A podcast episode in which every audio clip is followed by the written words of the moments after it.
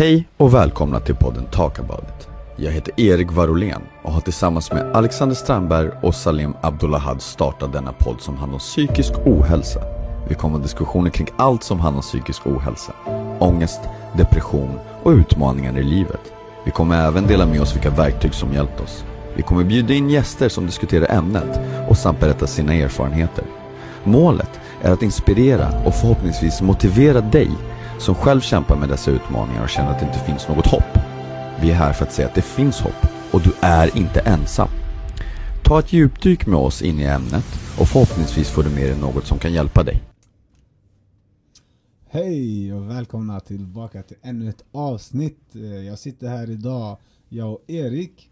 Eh, Tjena. Yes, välkommen Erik. Tack så mycket. Eller jag säger välkommen till dig. Det är du som borde välkomna mig. Eller vi, välkom, vi har ju det här tillsammans. Det är ingen, vi välkomnar varandra för vi älskar varandra men vi gör ju det här Ja, tillsammans. men jag tänker på, har, det är jag som har kommit till Stockholm. så Eller är det. Ja men så är det ju. Så är det ju faktiskt. Så det Jag faktiskt. Tyvärr, ty, tyvärr så saknar vi Alexander idag. Ja. Han är iväg på äventyr. Mm. Så han är borta ett tag tyvärr, men vi ska ändå göra vårt bästa utav det här såklart. Så Exakt. vi kommer ändå ha lite... Kommer ha lite flera Stockholmsäventyr när du kommer hälsa på. Ja, Ja, jag måste vara väldigt försiktigt. Min vikt klarar inte av dina besök. Ja, det blir alltid så, alltså varje gång jag kommer hit så Jag älskar ju att äta så mycket som kanske vissa av er som känner mig vet, ni som inte vet Ni kommer veta Ja, ni som lär känna oss nu så kan ni veta att han äter. Han, ä- han åt igår och alltså det här är ingen överdrift. Det var en burrito på Burrito and Friends som en gigantisk burrito. Och sen efter det så åt han direkt en pepperoni pizza på 800 grader som en fantastisk pizza. Men ah, 800 grader det heter så. Vad- Aha, stället? Ah, ah, jag trodde du menade kalorier för. Jag tänkte du snackade kalorier, men vad kom? Eh, Han började se lite så här, pe- han, han blev lite färglös där. Han bara, Ah, nej, nej jag skojar. Nej, nej men så vi... Och sen bu- toskabullar på Ica. Ah, fy fan vad gott det var Ja. Ja det är min svaghet ibland, alltså är det svaghet och svaghet jag, jag sköter mig ganska bra på veckodagarna men helgerna är min favorit alltså och äta lite extra Fast det gott handlar, det handlar mycket om balans, eller hur? Du kan, Ja. ju, du kan ge dig själv det här för att du har ju ett väldigt nyttigt liv. Mm. Jag kan inte ge mig det själv nu på grund av att jag är inte riktigt i balans. Nej. Eh, Oj vad hände någonting med mikrofonen? ja, Mhm. Det är nog där, det nu har jag fixat det. här. Exakt, okej. Nej nej, det, det var min. Ja det var det? Ja, eh, det var hoppet där. Eh, vet du. Okej. Och grejen den, vad håller du på att säga nu? Nu tappade jag. Vi pratar om Just om balans, om balans, så och är det, exakt. och... Ja men det är det, för typ så här, jag är egentligen, alltså även om jag är väldigt nyttig just nu och förbereder mig och, du vet, och, och atletisk och sånt så är det ju obalans. Du vet, Det är ju det, jag, får, Ja. jag, jag tar ju bort för mycket. Ja. Jag får äta alldeles för lite du vet, och Mm. måste dieta.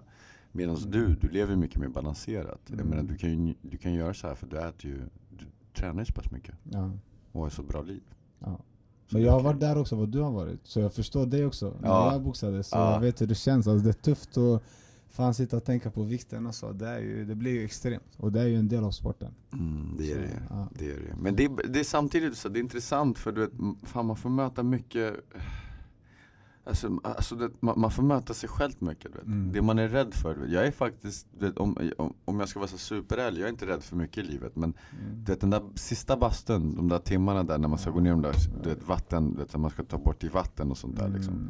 Det, det, är- det är någonting man måste förklara för dem där ute ordentligt om man ska gå in Ja. på det. Men det, det är någonting jag faktiskt inte ser fram emot på något sätt. Ja, jag förstår det. det är så, hur mycket man pressar ut så måste man ändå tillbaka in. Ja, alltså. exakt. Exakt. Ja, men det är spännande, men du vet vad du har gett dig in på. Och Ja. du te- leken tåla som man brukar säga. Exakt, exakt. Yes, så idag har vi tänkt att vårt ämne ska handla om vår barndom. Jag och Erik var väl i diskussion där eh, ett par gånger faktiskt, där vi pratade om vår barndom och vi har väldigt mycket gemensamt, fast ändå på olika sätt. Så, så vi tänkte att det kunde vara ett av våra ämnen eh, idag, Ja. på det här avsnittet. Jag tror vårt första möte handlade väldigt mycket om vår barndom och hur mycket Mm. liksom det satt ihop. Vi snackade om vår resa och, och Mm. våra självmordsförsök och sånt. Men det Mm. handlade faktiskt väldigt mycket om oss när vi var yngre, kommer ihåg det? Ja men, ja men precis, men jag tänker, vi berättade ju hela vår, eller hela vår livshistoria ska jag inte säga, men lite av vår Mm. historia. Och jag tänker barndomen kan ju vara ett specifikt ämne där vi pratar om själva barndomen. Ja, nej, men, exakt. Och jag tror det är viktigt, även om, om vi berättade lite grann av vår, eller ganska mycket av vår historia i första avsnittet, vet, så här, och gå in speciellt jag som hade väldigt mycket mina trauman i barndomen, Mm. så kan det vara väldigt viktigt också att gå in lite grann kanske detaljer och sånt. Mm. Liksom. Och vad, ja, vad är det för trauman vi kan, vi kan börja med, med din... Alltså, Mm. alltså vad jag gick igenom som barn. Liksom. Ja, Men det var väldigt mycket våld, väldigt mycket psykologiskt manipula eh, manipulativt. Mm. Eh, väldigt mycket liksom ostabilitet bara. Mm. Så det gjorde mig till en väldigt ostabil ung man. Dysfunktionellt eller? Ja, Mm. verk, ja verk, väldigt, väldigt. Så typ, Mm. det, väldigt dysfunktionella relationer på alla sätt och vis. Mm. Mellan mig och mina föräldrar, mellan mina föräldrar, Mm. mellan mina föräldrar och deras nya relationer. Allting var dysfunktionellt på något Mm. sätt. Liksom. Men hur var det, när, vi, vi tar tillbaka, vi säger, hur gammal var du när du bodde med din mamma hela tiden? Va? Du har bott med mamma sen... Ja exakt, alltså den värsta perioden, den jag hade bara med min mamma, det var Mm. när jag var från 10 till 14 bast. 10 till 14 år. Exakt. Mm. Och det var då liksom väldigt mycket hände och sånt. Mm. Och grejen är att jag blev ett väldigt nervöst barn. För att typ, jag visste inte hur jag skulle kunna trigga henne många gånger. För jag förklarade det lite grann eh, för er. Ehm, där det handlar inte så mycket liksom om tillrätt, tillrättavisningsvåldet. Det kom ju, du vet. Jag blev ju släpad för att man blev tillsagd. Problemet med henne var ju att när hon sa till och hon började bli arg och hon började slå mer, då tappade hon kontrollen och började slå på riktigt istället. Och det hände ju nästan dagligen. Mm. Och det gjorde mig till en väldigt nervös, nervös barn. Så du vet, jag hade ju massa tics. Mm. Och det är någonting som folk kanske inte tänker på när de ser att jag är väldigt så här, lugn av mig liksom och kampsporter och sånt. Men det är ju det som det handlar om. Jag har ju byggt upp den människan. Mm. För den pojken var inte sådär. Jag var full med tics och jag fick alltid stryk för jag hade tics.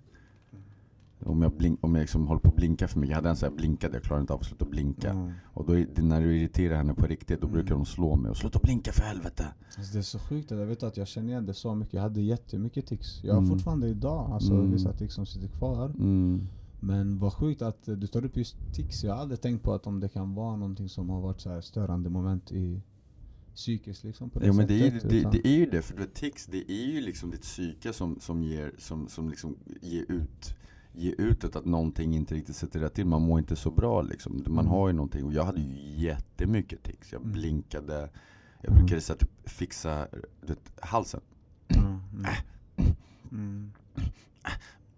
Så här, hela tiden typ. Det måste vara någon slags rädsla eller någonting eller? Tror du, Ja, ja men det var den här, man var ju nervös hela tiden. Jag visste aldrig när man skulle bli slagen på riktigt eller bara få en liten smäll eller liksom För du vet som sagt, det var ju också Det var de här grejerna, det var ju våld hemma du vet. Hon, Mm. liksom, hon, hon ehm, Så här, efter hon, lä- äh, efter hon lämnade min pappa så blev hon gravid Mm. Medan de fortfarande var gifta Och eh, sen så lämnade hon pappa helt och hållet för den här nya mannen och han var, han var ju, alltså han var ju, jag hade honom som styvpappa några år och mot mig, han var ju så snäll så det, liksom inom hela situationen, eh, liksom in, inom, ja men där vi var, så var han jättesnäll. Men det var ju så här, han var liksom, han var ju en bilmekaniker och biltjuv som plockade ihop isär bilar och sålde för ingenting liksom. Du förstår vad jag menar? Mm. Det var liksom, de, liksom den nivån på människan. Och, Dro- Drogs du mer till honom då på ett sätt eller alltså under den perioden? eller? Ja, alltså, ja, nej, han var jättesnäll mot mig. Mm. Han var jättesnäll. Men problemet var typ så att problemen som var hemma var typ att när han och hon blev fulla, eller vad fan det var de blev. Jag var för, för liten för att veta exakt vad det handlade om. Mm. Men du vet när de började slåss. Jag menar, de slogs, ju- första gången jag någonsin blev knockad i livet var utav han. För att jag kom ut ur rummet när de två hade slagit sönder allt. Mm. Och han låg på henne. Mm. Och det såg verkligen ut som han slog henne, vilket han nog gjorde. Men det handlar också mycket om att han försökte kontrollera henne, för hon var ju väldigt våldsam. Mm. Men jag förstod ingenting, så vi hade ju en sån här, vet du, en grej vid fönstret, vet du, gardin, eh, gardinfönstret. Mm. Så jag tog den här gardinstången och så slog jag den över hans rygg för att kunna få bort honom. Och han bara Hur gammal var du då? tio. Och han bara utav ren instinkt vände sig och gav mig en backhand. Eh, och jag, jag, vak- jag minns när jag vaknade vet, och han stod över mig och grät och bara 'Erik är det okej? Det okej?' Så han menade aldrig det. Vet. Han var aldrig den som slog mig så. Men det var liksom, det var sånt våld jag fick uppleva tack vare han eller dem. Förstår du vad jag menar? fattar. Så att inom, inom liksom situationen var han jättesnäll. Mm. Eh, Jag kommer ihåg, du vet, han hade inte pengar som sagt. Vet, han var liksom ingen rik man eller sånt och kunde göra mycket. Men jag kommer ihåg en, en jul så frågade mig vad jag ville ha. Jag sa jag vill ha en Mega Drive. Du vet, eh, Sega Mega Drive, tv-spel. Ah, just det. Ja. Och du vet, det var jättedyrt där borta i Brasilien. Mm. Och du vet, han var inte ens min pappa och han hade två barn med min mamma. Mm. Och han gav mig en Mega Drive. Förstår du vad jag menar? Så liksom inom allting så var han snäll liksom. Men Och, och Mega Drive på den tiden var någonting stort alltså. Ja, ja du vet ju själv. är som att Exakt. köra en exakt. Tesla ja, ja, typ alltså. Det. Så du förstår liksom inom Ja. allting. Men också det är den här, jag kan berätta en annan historia Mm. typ. Alltså du vet, Innan du börjar med den historien, jag måste bara säga för så att du Ja, inte ja, glömmer ja, det. ja. Jag tänker på just när, alltså, om vi tänker tillbaka mhm. på, när jag tänker på, på min barndom där Alltså jag, jag, jag ser det här märket, du vet när du berättar att du kommer ut och han ligger på din mamma du vet Mm. och sen smäller till och det här Mm. kaoset alltså Mm. Det väcker det barnet inom mig som alltid låg hemma på nätterna Vaknar av att saker går sönder i hemmet Ja. och den här rädslan du vet att exakt. snart kommer någon öppna dörren antingen gå Ja. loss på oss, på mig och min bror. Eller de kommer komma ta sönder något och säga kom vi, må- vi ska sticka ifrån Eller pappas Exakt. fru kommer säga ah, vi ska lämna din pappa Alltså du vet Bara den här rädslan hela tiden alltså den Den här så- ångesten. Ja, Den här ångesten. Jag har fattat på senare tid att det är ångest Ja. Men jag fattar aldrig, du vet någonting låste sig i bröstet Mm, Och jag exakt. låtsades bara sova hela tiden Ja. Så tänkte om någon kommer in i dörren, jag måste bara låtsas Man var sova så stel eller hur? Man Stel. låg där stel, Ah. kall och kunde inte ens röra på sig. Fy fan vad obehagligt. Ja. Alltså, tänk dig att vara ett barn och känna de rädslorna. Alltså, Ja. Inte konstigt du vet att det alltså, utvecklar någonting psykiskt som fuckar upp det Ja, att tics alltså. kommer, att saker Ja. kommer, för vet, man blir så otroligt nervös. Vet det bryter ner en. Man är Ja. inte mentalt förberedd för det Mm. på något sätt. De vuxna som gör det Mm. har brutit ner varandra för att, för att, för att behandla varandra sådär. Ja. Vi som barn, fattar du? Det- Vi har Ja. inga skydd, ingenting. Jag tänker den stressen som skapas i vårt huvud. Jag tänker bara idag, har jag en stress idag på jobbet, alltså jag, jag kommer hem och varvar ner, jag pallar inte ens göra något Ja. skit. Mm. Jag kanske kan gå och jogga lite lätt för att slappna av Mm. eller så här. Men det tar så mycket energi av mig. Mm. Jag fattar inte, alltså tänk dig den åldern och hur mycket energi du måste suga. Det är något såhär, Ja. alltså 24-7 Exakt. energi som dras från dig. Och inte bara det, tänk dig när du sa jag kommer hem och varva ner. Men hur fan ska du varva ner när det Nej. där hemma det händer? Ja, då, då var det ingen trygg plats liksom. Exakt, och det är det som många, det är liksom det där man måste börja tala om, liksom, så här, den här otryggheten som man har och hur man växer upp då, vilken Mm. sorts människa man blir då. Mm. Ja, den, den är skrämmande, skrämmande när man tänker tillbaka så. Ja gud ja. Påmindes verkligen om det när du drog upp det. Ja, ja Mm. men det är ju den där, så här, det, det, det, var exakt, det var exakt den känslan du, du förklarar, liksom, den här liksom, ovissheten, man var så jävla rädd konstant. Ja. Saker börjar gå sönder, höjer, så här, liksom, röster börjar höjas och helt plötsligt Mm. så är man där tillbaka liksom, och man har ingen försvar. Och sen ska man helt plötsligt anpassa sig dagen efter när de har till slut lagt sig och då är allting över och så ska det vara fejkad kärlek. Ska det vara och, familjen på Ja, samma familjen sätt? och sen du vet, man sökte ju det här, försökte vara Mm. att känna värmen på något sätt. Ja exakt. Och Men, det- men det var, blev en falskhet på något sätt kanske. Jag håller på att läsa du vet, David Goggins bok, eller läser, jag håller på att lyssna på David Goggins bok. Mm. Och han nämner ju mycket sin, liksom, sin barndom som var väldigt traumatisk. Eh, och, och, du vet, och det var samma sak där, liksom, så mycket ensamhet. Mm. Förstår du? jag menar? Mycket ovid, den här rädslan. Du vet. Han beskrev typ exakt den där, så som du beskrev nästan exakt. Mm. När han, när, när han låg där och hans pappa började skrika ut liksom, utan, utanför rummet och man visste inte, kommer han komma in? Blir det Mm. oss? Blir det bara mamma? Du Mm. vet. Och, sen, och sen en annan sak som tyvärr, du vet, en sak som många du vet, har behövt se är ju många gånger då sin mamma. Men det har varit åt, åt andra hållet också. Jag såg det själv. Du vet. Mm. Ehm, det här att behöva se ena föräldern se nedbruten av den andra.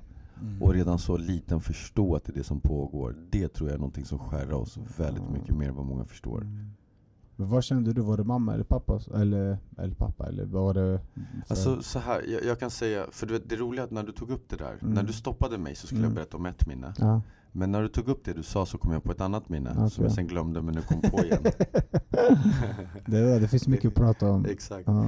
Men det är så här, mitt första minne i livet, Mm. faktiskt, jag var ungefär tre år gammal tror jag, är ett stort bråk hemma. Jag kommer ihåg mormor håller om mig och försöker ta undan mig. Men jag kommer ihåg hur mamma tog tag i en pinne med spikar och skulle slå ihjäl min pappa för de höll på att separera. För att pappa försökte starta ett byggföretag i Rio. Och det gick inte på 80-talet och alla skulle ha sno pengar och det skulle vara dittan. Så han fick inte ihop det liksom. Så det, de började separera och sånt. Och det, så det första minnet jag, jag har i livet det är att min mamma försöker slå ihjäl min pappa med en pinne med spikar på. Åh, jävlar. Och, och, liksom, ja, och, och det är liksom det är de här grejerna du vet. För mig, att tala om det idag, Mm. det gör mig inte illa längre. Men jag måste vara väldigt medveten om det. För det är, så här, det är faktiskt någonting som markerar mig. Oavsett om jag inte gjort någonting, om inte jag vill det här, om Mm. inte jag vill att det här är mitt första minne. Är det fortfarande mitt första minne? Mm. Och jag, och jag måste veta om det. För att du vet, så här, är inte jag medveten om det, det kommer färga alla mina relationer. Mm. Hela min världssyn ifall jag tillåter det. Och det är, det där, och du vet, så här, det är inget Mm. bra minne att ha för färga världen. Så därför är jag väldigt medveten och kommer ihåg det. Och det gör mig inte illa längre för att jag använder det som en plattform för att sprida kärlek istället. För att Mm. det är som du sa, du vet, den lilla pojken där. Du vet, det, det, det är mitt första minne i livet och jag, det är den där rädslan du snackar om. Jag fattar. Förstår du vad jag menar? Mm. Så det är tufft liksom. Mm. Ja den är jobbig. Den är Ja. jobbig. Men alltså, samtidigt, det är tufft men, men, men det är viktigt. Och det är Mm. det här, det är därför vi snackar om det här och delar med oss. För Mm. du vet, jag tror många hemma kommer, kommer känna av den här, du vet, här, Mm. kommer ihåg den här skräcken på något Mm, sätt. mm. Inte på som vi där vi åkte på stryk och sånt. Nej. Men du kanske kan dela med lite grann av din? För nu vet ju folk bara om mig. Ja, alltså, men det, ja, jag tänker det är bra att vi kastar bollen lite så på varandra. Men, men jag tänker alltså det är, igenkänningsfaktor kommer ju, det var som när vi pratade om det innan, det är Mm. mycket man känner igen sådär. Mm. Och jag tänker ju, alltså förutom själva våldet, det var så här, eh, rädslan hela tiden som satt i oss. Alltså jag, jag kan bara tänka tillbaka, ibland vet jag och min bror kunde säga typ skratta för pappa kom du vet Mm. och slog kanske med bälte och vi hade täcke och sånt. Sen vi bara låtsas grät för att han ska tro att han träffade oss och sen han gick ut så skrattade vi bara hej, hej vi klarade oss, jag blev inte träffad typ. Mm. Så man gjorde typ så här något roligt av det. Men sen var det ju kanske inte så roligt när han väl var där för han kunde ju lika gärna ha träffat. Alltså jag hänger du med? Plus att själva situationen i sig är inte så Mm. jättebra. Nej, det, Att liksom, så att man behöver Mm. skapa liksom hur? en, en, Falsk norm- trygghet. eller en normalitet i faktum att din pappa kommer och slår dig. Mm. Mm. Ja det var sjukt. Och och en sak som fastnade på mig då. Vi, som sagt, mi- min mamma var ju med i, vad var det, sju, åtta år kanske Mm. under min uppväxt då. Och eh, mamma var ju inte så trevlig heller så att säga. Mm. Eh, och hennes sjukaste grej var ju att Alltså hade vi gjort någonting, vi snackar alltså saker som små barn gör liksom. Vi är ute och leker eller så här, hade kanske omkull någonting som gick sönder i hemmet och så. Hon kunde bara liksom, alltså den sjukaste grejen var att hon kommer ta stark krydda i en stor matsked. matsked. Eh, vi ska äta den och sen ha den i munnen, vi får inte svälja. Så lägger hon tejp runt munnen, ställer oss på knäna i ett rum och vi får stå där på knäna i flera timmar. Alltså det, Alltså, det är det är ju tortyr. mental tortyr. Det är to- inte bara mental, Ja, fysiskt, ja, alltså också. Ja. Knäna, munnen, alltså. ja, ja, ja. Och det, Nej, men det är alltså, sjukt. Alltså, ja, ja. mm, Shit. alltså sjukt, tänk dig bara att. Att en vuxen människa utsätter sina barn för det där. Alltså, du vet, jag, jag, det, det är så svårt för mig, du vet. Och det som gör det svårt i livet, det är därför det är mycket man inte kan förstå. Det är hur andra människor beter sig och det är väl där alltid det bryts mellan Ja, oss och exakt. alltså mellan förståndet och... Exakt. Och Men, andra men människor. vad tror du, vilken känsla tror du det var? För jag, jag, jag, jag tror, jag har en tanke om vilken känsla som Mm. gjorde att hon var kapabel till att göra det där. Mm. Men vad tror du som gjorde att hon var kapabel till att göra det? Alltså hon, hon måste ha lidit själv liksom. Ja, exakt. Hon, hon gjorde väl någonting, så, alltså, hon tog väl ut sina aggressioner som hon hade problem med. Det var det jag tänkte, väldigt mycket ilska va? Ilska, ja. En otrolig ilska och Mm. kontroll, kontroll va? För att om Kontroll. ens barn, om man gör så mot sina barn för att de inte beter sig. Mm. Men det var ju likadant som min mamma du vet. Mm. Det var, en så här- det var en okontrollerbar ilska. Mm. Mm. Det bara det att din mamma var väl mer, var, hon var Mm. liksom, ehm, hur ska man säga, lite mera, ja men kontrollerad i det. Det var ju Mm. liksom mera kontrollerat hur hon, liksom, hur ni fick lida. Mm. Med, medan mitt lidande var, var liksom mycket mer explosivt. Exakt, exakt. Men vi hade ju varsin, det det. Pappa Ja. var den explosiva. ja, ja, Mamma var det så här smarta, du vet. ja. jag tänkte säga så här, så här creepy i Ja, filmer, du vet. ja. Hon får dig att lida i smyg, så här, Exakt, i ja, men lugnet. I så var lugnet. min styvmamma. Iskall mördare, Ja. typ. Det, min, min styvmamma, hon, hade, för hon, hon slog mig aldrig någonsin eller något sånt. Hon var aldrig våldsam. Mm. Men hon, hennes grej var typ att jag inte existerade. Ja. Typ, jag, jag hade ingen namn med henne, utan jag hette Mm. din pappas son. Oh, ja. Förstår du vad jag menar? Jag kommer ihåg när pappa blev cancersjuk när jag var fy- 15, 14, 15. Mm. Och där vid 16-årsåldern så var, tror 16-17, så blev han jättesjuk. Mm. Och han blev tvungen att, han låg hemma du vet, så här, i hemmet. Det bara mitt rum var andra sidan lägenheten och man behövde gå igenom vardagsrummet. Mm. Han låg hemma en hel månad och jag Mm. såg honom en gång. För jag fick Ja. aldrig gå igenom vardagsrummet för enligt henne var jag för, för, jag för smutsig så jag kunde inte hantera att vara i hennes vardagsrum så jag fick bara vara i mitt rum och köket. Alltså, ja, fy fan. Alltså, hur gammal var du då? Eh, typ 14-15. Förstod du det då på den tiden? Ja, Eller- gud, eller ja. accepterade Ja, ja. du bara? Nej men alltså grejen den, ja jag förstod men det, det, alltså det där utlöser sig i många stora bråk. Du vet. Jag, jag, du vet, jag, dr- det- vi hade ett stort bråk där jag faktiskt bara flippade och drog en kniv och orkade inte längre, jag skulle skära mig själv och allting och sånt. Och deras reaktion var, när jag var i rummet efter det här stora bråket Mm. så kom jag ut, för då tog jag min ryggsäck och bara vet du vad, fuck it, nu lämnar jag det här, jag orkar inte längre. Ja, eh, då hade de lämnat lägenheten. Och jag bara okej vad händer nu? Så här, vart- Okej bra, Okej. då kan jag bara gå. Mm. Och så när jag går ut genom dörren då är det fem poliser som brottar ner mig med dragna vapen och tar mig till finkan. Liksom, så, ja, så typ dagen efter så kommer farsan och bara ja där var det inget bra. Jag bara ja nej det var det inte. Så då flyttade jag faktiskt ut och jag bodde på gatan någon månad då. Eh, men sen så tog faktiskt min stora syster Lotta. Mm. Och det Lotta Lotta är en väldigt speciell person i mitt liv. Eh, min stora syster som är väldigt mycket äldre än mig. Var, Men- var hon med i det här? Alltså allt det här misshandel? eh, Nej, så grejen är den att hon är ju helt svensk. Jag har ju tre stycken eh, äldre syskon som är helt svenskar och Mm. aldrig var med om någonting av det här med min mamma. De fick ha med min mamma att göra i Sverige. Och hon var komplex då. Men det var det hon var komplex. Det här värsta var bara i Brasilien. Ja. Men Lotta, hon... Vart var de då? Förlåt. I Sverige. Alltså, I Sverige? nej men alltså, Lo- Lotta, Lotta är alltså 17 år äldre än mig. Och det är det, det, är därför jag, det är det jag Ah, försöker komma okej. till. Eh, det. Jag kommer förklara vart de var. Ah. Låt mig bara avsluta Mm. den här tanken. Mm. Eh, och Lotta, varför, jag tar upp Lotta och varför hon är så viktig är för att Mm. hon är den enda mammafiguren jag någonsin haft i hela mitt liv. Mm. Vet, hon är min stora syster men Mm. hon är den enda som någonsin varit en mamma för mig. Så hon räddade mig när det kommer till mammor och, och mycket av, jag antar jag, min kvin, kvinnosyn var det hon som, som gjorde åt mig. För att, vet, hon, hon har tre barn som är typ min ålder. Mm. Hennes yngsta unge är, heter Joakim och han är bara tre år yngre än mig. Oj. Ja. Så han är typ som min lillebror. Jaha, jag fattar. och sånt. Så, liksom, så att när, hela den där perioden när jag bodde på gatan och hon fick ta reda på det och hon gick igenom världens sämsta liksom, separation och shit. Eh, hon tog in mig Mm. och började ta hand om mig som en sina egna barn. Tre stycken ungdom, fyra stycken ungdomar. Och förstår du vad förlorad jag var då? Mm. Och sen hade jag två an- andra syskon men eh, de är mycket äldre också. De är liksom, liksom samma ålder som henne och de har alltid jobbat och har sina egna familjer och sånt. Så det var Mm. liksom eh, Nu har vi börjat få bra kontakt men när allt det där hände, vet, det var, jag var ju ensam. Jag var ensam. Det fanns Mm. liksom, Mm. jag har haft syskon men jag var väldigt speciell bubbla där i ålder och liksom ma- min mamma och min pappa. Förstår du vad jag menar? Det är så sjukt för att när du sitter och, berättar det här så känns det för mig inte så här. Det känns inte så konstigt. Hänger du med?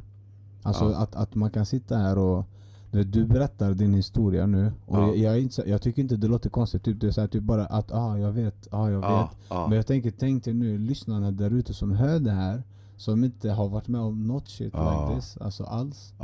Det måste vara värsta chocken för alla andra. Ja. Och det är ju så egentligen det ska vara. Ja. Vi borde ju reagera så på Fattar du våra historier. dysfunktionella du och jag är Ja, fattar du? Vi faktiskt? bara, ah, det Ja. låter så, ah, men Ja. det där känner jag igen. Ja, Ja, ja. Det där känner, men det är ju inte många Nej. som känner igen det där. Nej. Fast det finns självklart, det finns också en specifik eh, folkgrupp som också känner det Ja, där. tyvärr. men Såklart. Ja. Tyvärr, ja.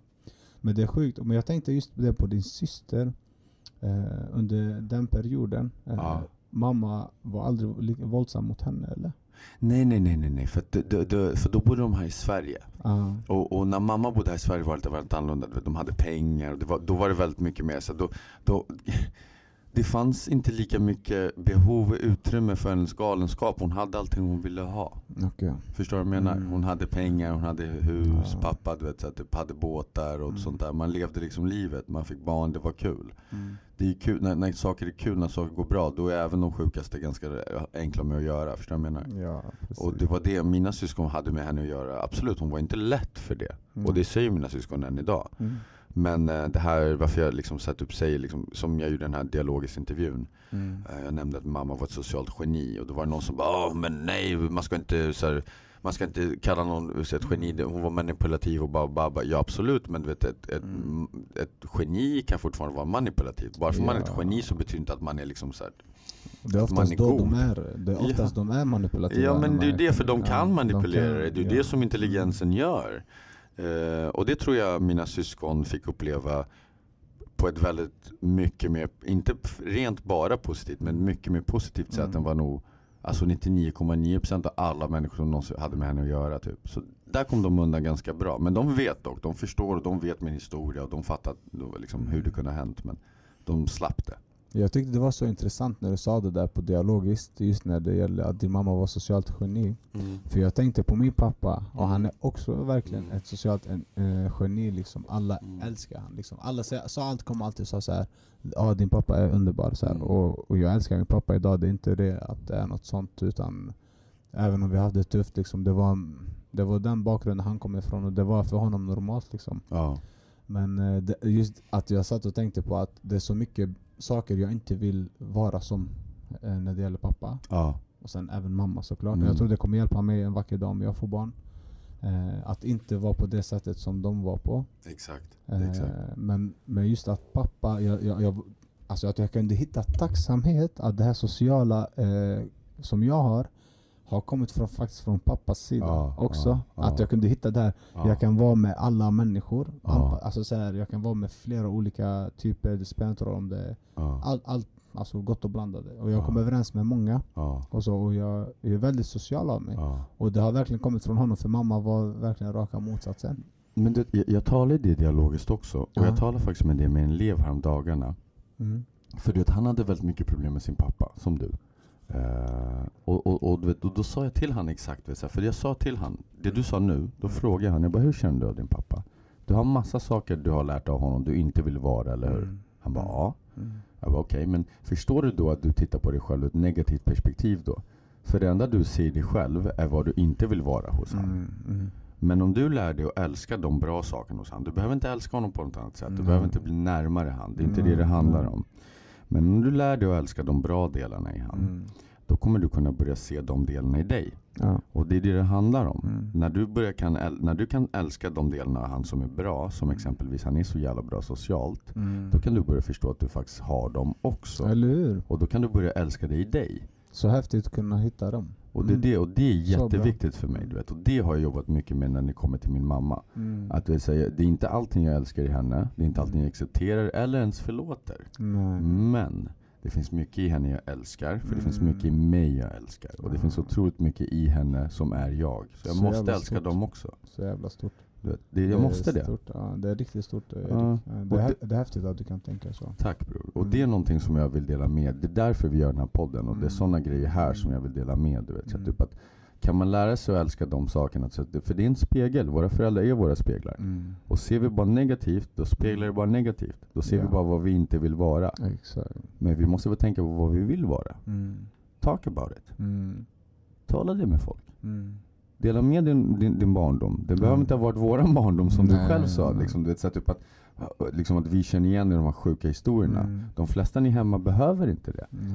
Men talk about it. Gå ut, Mm. snacka om det som faktiskt tynger dig. För det kommer finnas saker Mm. från din barndom som tynger dig. Ja, Det är så bra. Jag, jag lyssnade på Simon Sinek som satte en podcast häromdagen. Mm. Simon Sinek är en ledare som är väldigt, alltså motivational speaker lite mer så. Eh, och han pratar just om det där att han, bara, han har en regel med sina vänner, never cry alone. Att de alltid ska ringa. Så han har, eh, ibland han sitter i ett möte eller någonting, hans vän ringer. Jag behöver gråta. Han bara okej vänta, jag går ut. Eh, han går ut och bara, eh, han bara det är ingen fara. Han bara bara ut med det, vad är det som händer? Och så gråter han. Så att de, alltså han har en grupp av vänner som ringer varandra för att in, aldrig gråta ensamma. Fan vad fantastiskt. Ja det, det är häftigt. Alltså det är Jätte- häftigt. Så jag tänkte fan vad coolt att göra så. Alltså, Fa- Fattar du att de lär varandra sårbarhet? ja, De hjälper varandra att vara sårbara. Det är Mm. jättehäftigt ju. Mm. Ja, du vet, ja, du, det, det, efter min dialogsintervju nu har jag fått så många män som har, Mm. som har skickat meddelanden till mig. Mm. vet, typ, och delat med sig. Mm. Och, och, och det vill jag säga nu också för ni som lyssnar. Mm. Gör det. Mm. Och be inte om ursäkt för det. Mm. Om du, om du ser mig, om du ser Salim och Alexander du vet, och, och ni ser oss eh, ge intervjuer, vi snackar om mental hälsa och ni Mm. vill dela med er med oss och skicka ett meddelande och liksom så här, bara behöver höra någonting tillbaka. Mm. Messa för att du vet, så här, jag kommer svara och jag är ganska säker att du kommer svara. 100 procent. För det är därför vi gör det här. Vi gör det här inte för någonting annat än att försöka hjälpa folk där ute. Ja. Det är därför det heter Talk about it. Mm. Och det är det vi säger, talk about it. Har ni ingen annan ni vågar dela med er, dela med oss med oss. Mm. Ingen som kommer veta, det är bara du och jag och Instagram. Mm. Eller? Mm. Håller du med? Mm. Ja, ja, 100 procent. Eller hur? Och det är de här grejerna, det är därför du, jag, du, jag säger det här på grund av att jag blir inspirerad av din podcastgrej du vet. Det, det är exakt det här vi måste göra. Mm. Vi gör inte den här podden bara för att ni ska sitta och lyssna på oss, Mm. på våra historier. Och sen att ni ska bygga på er själva genom våra historier. Utan tanken med det här är att ni ska själva ut och göra arbetet nu. Mm. Ni ska höra våra historier och dela med oss så enkelt hur jag och han sitter här och lyssnar och har kul. Och skrattar Ja. medan vi berättar helt sjuka Ja, historier. Och, och att vi kan göra det idag, alltså att vi kan skratta i den här misären, Exakt. hitta någonting, inte komiskt alltså på ett sätt, men vi kan skratta för att vi vet att, du sa det så vackert en gång, att, att det handlar inte om det, det som någon har gjort mot dig. Det handlar om den personen. Ja, exakt. Vi pratade, det var, var det dialogiskt kanske? Jag hade, Det kanske det ja, var, det, jag det minns kanske var dialogiskt, det, du sa det. Det handlar inte om vad, att du har gjort något, det är någon som har gjort någonting mot dig. Exakt. Om någon slår dig, om någon har sexuellt utnyttjat dig, så handlar det inte om dig. Det Exakt. handlar om personen. Exakt. Och den, alltså den biten är väldigt svår att komma fram till. Men Ja. jag vill tro att vi är där idag.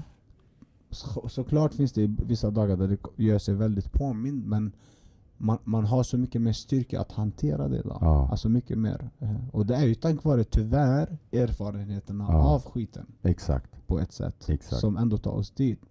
Men jag tänker tillbaka, jag tänker på min mamma. Min mamma lämnade ju mig när jag var eh, sju, åtta år. Får jag bara säga jättebra sagt. Okej, ja, fortsätt. fortsätt. mamma försvann ju rätt så tidigt så Ja. jag, hade, jag hade ju inte henne Nej, i, hon gick bort. Nej, alltså hon, hon lämnade oss. Ja. Hon Nej men jag tänker bara så att tittarna får lite mer Ja, liksom. Hon lämnade ja. oss när jag var sju, åtta år Ja. och stack till Libanon. Hon ville Mm. inte ha med oss att göra. Och det här mammafiguren försvann ju ganska tidigt för oss. Mm. Och eh, pa pappa gifte ju sig ett par gånger och blev, skilde sig, gifte sig och skilde sig. Och sen ville pappa gärna att vi skulle kalla då fruan, pappas fruar för mamma hela tiden. Och, Ja det var direkt, så fort de gifte sig mamma Ja, liksom. det ska vara din mamma. Det var inga relationer som byggdes upp. Nej, ah, vad, vad bra du sa det där. Exakt så där. Det var Mm. inga relationer som byggdes. Det var bara att vi ska säga mamma för att han ska vara nöjd. Men nu när jag sitter och säger det, här, det är det som är så fantastiskt Mm. med att- att prata om det här. Oj, vad hände där? Ingen. Oj jävlar. Ja, men fortsätt, fortsätt. Eh, gud, den skrämde skiten ur mig. eller hur? Det, det, alltså men tappa inte tråden, du, kom, du håller på Ja. att komma fram till någonting Ja, jättefint här nu. Nej men pappa, just att, uh, ah, god damn det här ljudet skrämde skiten ur mig. Jag bara tänkte vad är det som hände? Jag trodde den skulle explodera. Eh, ja, det Nej men du kom på, för, du ta, för jag sa ju det där liksom, att du byggde inga relationer, du sa det Nej. med pappa liksom, så länge han Yes, var nöjd exakt. med namnet. Ja, så länge vi säger mamma, Ja, bra, jag exakt. fick det tillbaka, att, att då var det okej. Ja, Men jag tänker tillbaka nu, ja, är att jag tror att pappa, i det här misären, i det här att mamma lämnade, att vi inte hade vår mamma som han visste vi kanske var, hade behov av att ha. Jagade inte en fru, utan han jagade en mamma till oss för att vi inte skulle sakna en mamma. jag fattar. Fattar du vad jag fattar, menar? Jag fattar exakt Så när han säger till oss att vi ska säga mamma, då mår han bra. Det är bara en tanke, jag säger inte att det är Ja, så, men ja. nu när vi pratar om det så tänker jag Fuck, tänk om det är så här att pappa, när vi säger mamma, då kan han andas och bli lugn. Förstår du vad jag menar? Ja, men jag tror faktiskt det. Det är bara det liksom att han förmodligen inte hade det förståndet att det finns djupare saker i det. Mm. Han kunde inte se ett steg till men det låter ju väldigt... Mm. Liksom, Det kan ju vara ett misslyckande från hans sida, att, att mamma lämnade, så att han Exakt. vill att vi ska kalla eh, hans fru för mamma. Ja, för då För har ni en mamma, då lyckades han ändå. Liksom. Eller hur? Ja, faktiskt. Så jag tror det, var, men det, det är spännande, och det är just det här som kommer ur diskussionerna nu när vi sitter här, för jag har aldrig reflekterat på, på, på det här sättet. Mm. Utan jag tänker bara varför ska, ska det vara påtvingat? Och det var Mm. det som var så jobbigt. Att Mm. tvinga på det här mamma, mamma, Mm, mamma. Så, exakt. så då blev det så här. När jag träffade min sambo för många år sedan. Så fort hon sa till mig något, jag bara, jag bara du är inte min mamma. Ja, Och, du vet, och jag sa det till varje, varje person som försökte, kanske ville mig väl. Ja. Och det var det som jag gjorde också, att jag inte kunde ta emot någonting bra. Alltså, någon bra, alltså feedback, konstruktivt. På något sätt, någon sa till mig Salim tänk på det här. Men du är till min mamma och jag var, det, här, det var då det byggdes den här jävla rebellen i mig. Ja, det I här egot för skolan. överlevde. Ah, jag gjorde exa- det var exakt Mm. samma, här, samma här. Ja. Typ ett sånt gigantiskt ego bara för att överleva Mm. allt det där. För det, det är Mm. ingen som ger någonting. Så man Nej. måste ju bygga själv. Det bara det, man vet inte hur man gör. Nej, och det, det, det som är intressant nu när du säger det här att man inte vet vad man gör själv, det är att man, man tror att man måste hjälpa sig själv för att det blir en överlevnadsinstinkt Ja, på ett exakt, sätt. exakt. Och ingen kan hjälpa dig, du ska hjälpa dig själv. Exakt, och den där, alltså den, är, Mm. den är viktig. Den är Mm. viktig för att Mm. överleva det vi har överlevt. Ja. Men den blir väldigt komplex när man måste ha med ett vanligt liv att göra. Och relationer med och relationer andra. med andra och sånt där. Mm. När man måste liksom, ja, liksom vara vanlig om man säger Eller så. Mm. Då blir för det hade jag jättesvårt med. Du jag har byggt upp en liten grej, det är nästan du vet, den sidan av mig idag, det där superegot. Du vet, han som fick mig att överleva allting. Mm, Du jag, det, mm. det är ingenting som jag tar bort. Nej, det är en del av dig också. Det är en del av mig. Mm. Och jag är väldigt stolt över han. Mm. Han har ett namn. Mm. Och jag tar fram honom när jag behöver. Det är nästan som en mental träning idag. Du vet. Det är han som jag fightas med och sånt liksom. Ja, det måste Men, det vara eh, nästan. Och det häftiga är att den här sommaren, du vet, jag har alltid haft en grej att Typ så här, antingen skulle han finnas eller jag finnas. Mm. Förstår du vad jag Mm, menar? Mm.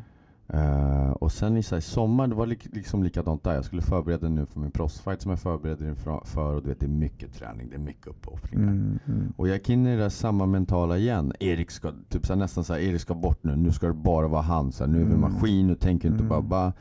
Och sen Stänger efter... av känslor lite eller? Ja exakt, Mm. men sen så tänkte jag bara, men vad fan tänker jag sådär för? Du vet, så Mm. det, det, det, på samma sätt som Erik har accepterat han en del av mig. Mm. Varför kan inte han acceptera Erik en del av han? Mm. Varför kan inte jag samarbeta med båda? Fan vad intressant. det, jag, jag skrattar för att jag tänker bara wow, jag har aldrig tänkt så. Nej! Du vet när folk pratar om alter egos, Exakt. Så här, som det måste vara något dåligt, men Ja. man kan ju faktiskt göra någonting bra av det på det sättet som du säger. Ja, men det, Och, och det, det, funkar ju för dig. det funkar fantastiskt för mig, för nu du vet, när jag behöver grinda, när jag behöver göra sakerna, då tar jag fram han. Mm. Men när han är trött, när, när, du vet, när han känner sig ensam, när han Mm. inte riktigt vet hur han ska hantera Mm. sakerna. Men varför kan inte Erik få ta över? För det är ju det är Erik som är känslokillen. Mm. Det viktigaste är bara att vara vaksam som att, så att man vet när ska man använda Exakt. och när, om det tar över i Exakt. fel sammanhang. Exakt. Kan det bli bråk? Kan det skapa problem i relationer? Kan det bli Vet, jobbigt mot vet du hur rädd jag var för dig Robinson? Ja. Mm. Men jag ska berätta en rolig sak för Ja, dig. ja. Amanda, Mm. vet, hon var faktiskt den första personen någonsin i mitt liv. Mm. Innan en tävling, du vet när jag ska Mm. tävla och sånt där, Mm. då brukar han komma fram mera. Ja. Och det ser man i mina ögon, jag har tävlingsögon. Alla som såg Robinson, alla som sett mig fightas vet om. Jag får en väldigt, jag har en väldigt hård blick. Ja, ja.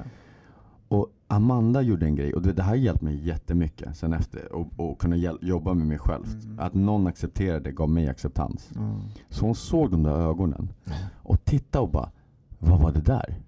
Mm. Och jag bara, vad menar du? Hon bara, jag såg det där, det där var någonting annat i dig. Vad fan var det där? Jag bara, men det där är, det, det är typ han jag tar fram för tävla och sånt där. Det är han i mig som överlevaren. Hon bara, Mm. jag vill se han mer. Han var så jävla tung. Alltså, Och du vet, oj. min förra relation, Mm. Som, som, som ja, det, ja, det var tufft. Mm. Eh, tog slut delvis på grund av den blicken. Hon klarade inte av den blicken. Det blev för mycket. Det var hennes egna triggers som satte igång och sånt. Mm. Så den, det gjorde så att vi bråkade väldigt mycket mer än vad någonsin behövdes. Bara för blicken. Mm. Men plötsligt hade jag någon som tittade på den där blicken och bara ha fram han mer. Mm. Han, han ska vara här. Mm. Och du vet, han, har tagit, han hade tagit igenom mig. Det, det, ni, många har hört nu vad jag har gått igenom. Mm. Och det var tack vare honom jag överlevde allt det där.